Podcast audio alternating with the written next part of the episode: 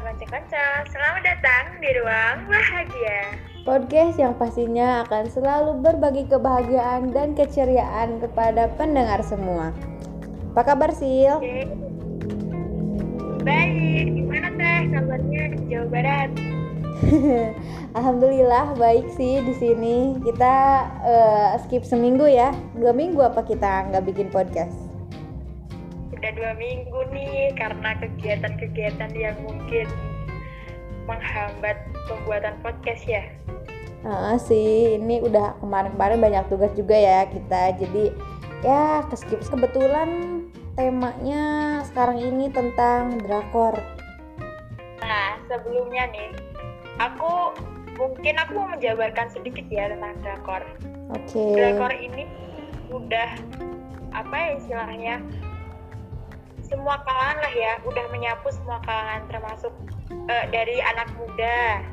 Terus anak-anak SD loh udah pada nonton drakor.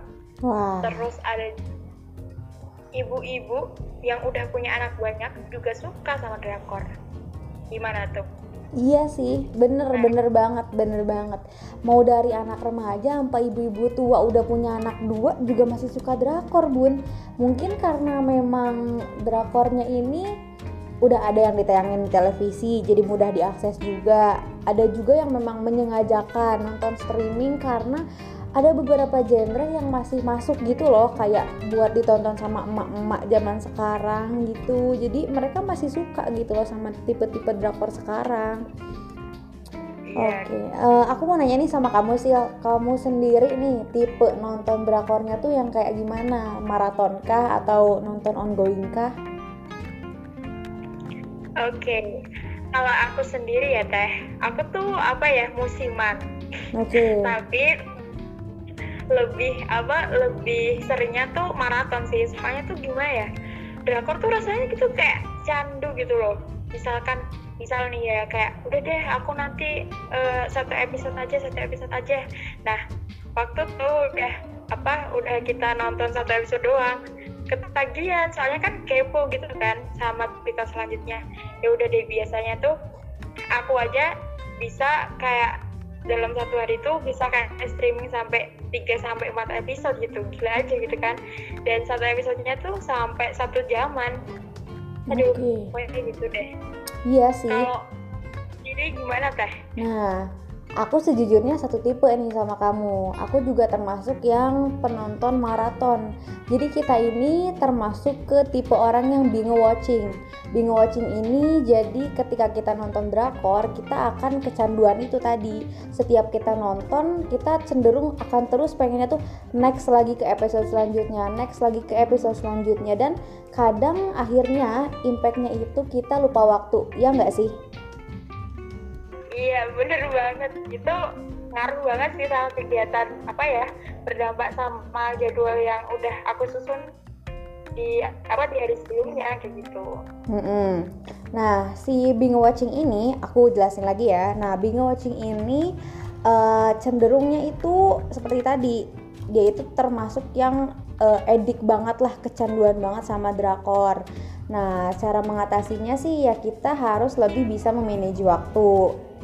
Tapi kalau buat yang binge watching ini ada beberapa efeknya nih. Efeknya yang pertama itu kita jadi ah, lebih banyak menyendiri gitu loh kayak nonton drakor kan enaknya tuh kayak di kamar gitu kan menyendiri menyepi biar apa ya kayak feel feel yang dari drakor itu bisa lebih kerasa nah iya Heeh. Nah, jadi itu lebih banyak waktu menyendiri. Terus kadang juga lupa waktu makan dan juga lupa waktu tidur. Maksudnya lupa waktu tidur tuh lebih banyak begadangnya sih kalau misalnya yang termasuk tipe-tipe maratonan.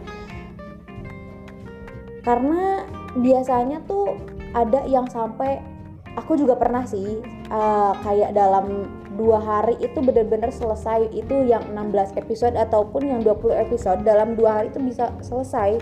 Karena bener-bener kayak wah ini nggak bisa nih kalau dibesokin wah nggak bisa nih. Ada terus-terusan jadi pengen terus aja diterusin sampai episodenya berakhir kayak gitu. Iya sama banget sama kayak aku. Aku juga biasanya tuh kayak ngerasa aduh nanti deh kalau mau makan.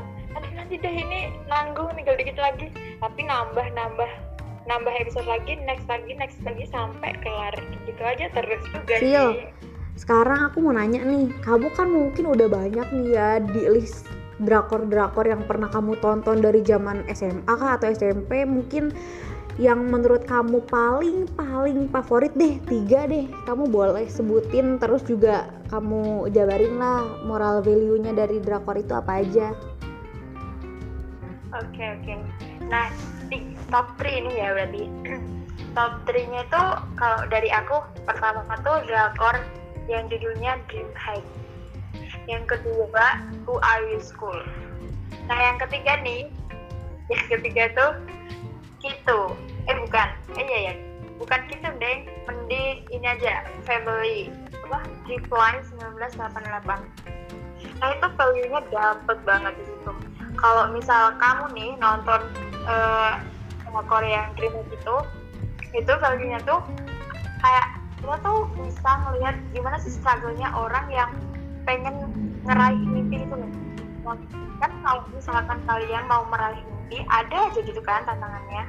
Nah di situ kita kayak bisa ngeliat gimana sih kita cara nguatin diri kita buat terus meraih mimpi sampai kita menjadi bintang gitu Nah, yang di School ini juga apa ya tentang anak sekolah gitu kan, tapi tentang pembulian. Nah, itu juga apa ya menyadarkan kita kalau misalkan dia misal emang apa kamu nggak suka ya jangan jangan langsung dibully gitu nah.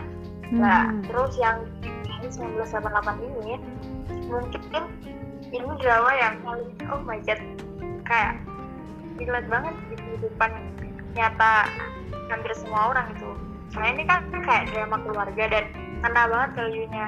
Ketika apa ya orang tuanya susah kamu harus pengertian terus kayak gimana ya kayak harus beradaptasi dengan orang yang baru juga itu nah, belajar iya iya iya.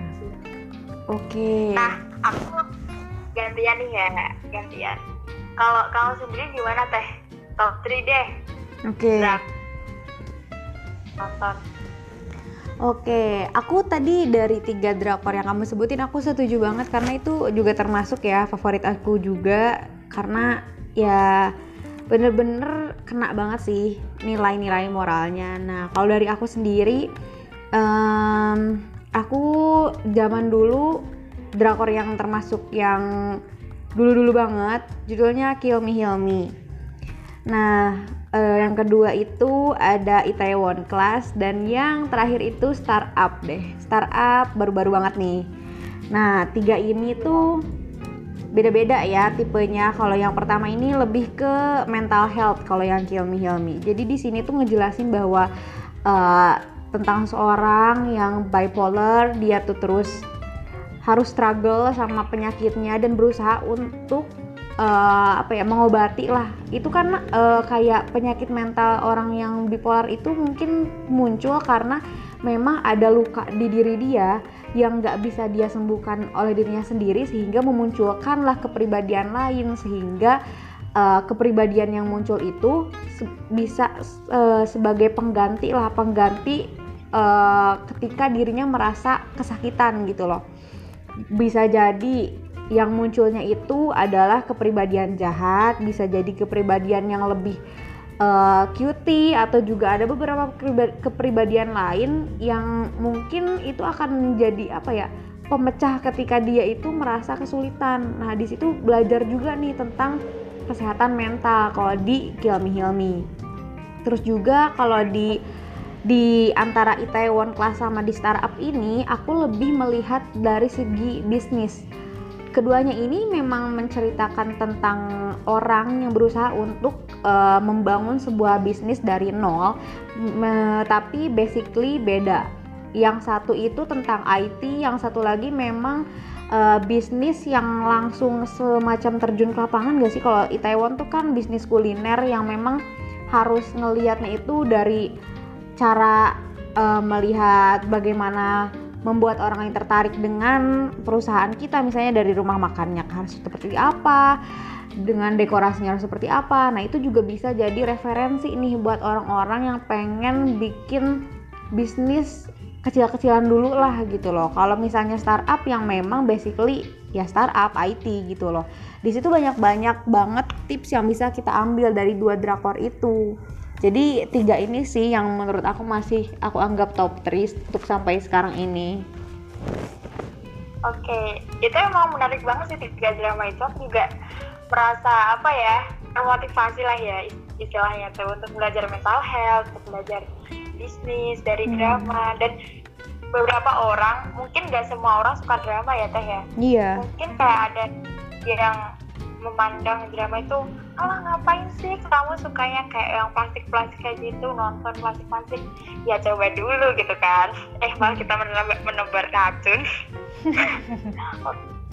Tapi gitulah ya. Uh, uh, tapi emang apa ya nggak semua yang ada di drakor itu hanya tentang kebucinan kebucinan orang Korea atau hal-hal yang negatifnya yang ditunjukkan tapi kadang ada hal-hal lain yang positif yang bisa kita ambil juga nggak sih? Misalnya nih ada tentang kriminal kriminal. Kita belajar juga tentang cara nangkep penjahat tuh kayak gimana sih? Mensiasatinya kah? Atau apanya lah kah? Gitu kan?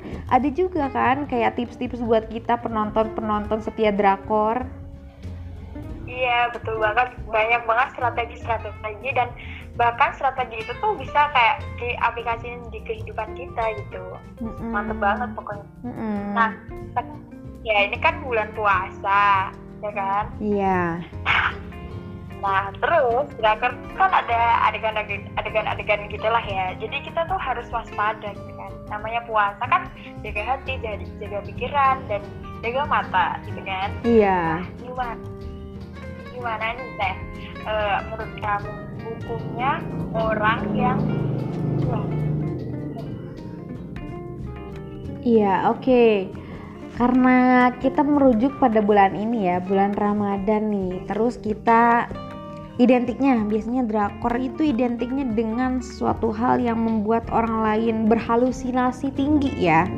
Jadi kalau dari ceramahnya kakak Wir ya kakak Wir Wirda Mansur dia berkata nih kalau misalnya kita di bulan Ramadan ada baiknya kita stop dulu lah puasa dulu juga nih dari nonton drakor.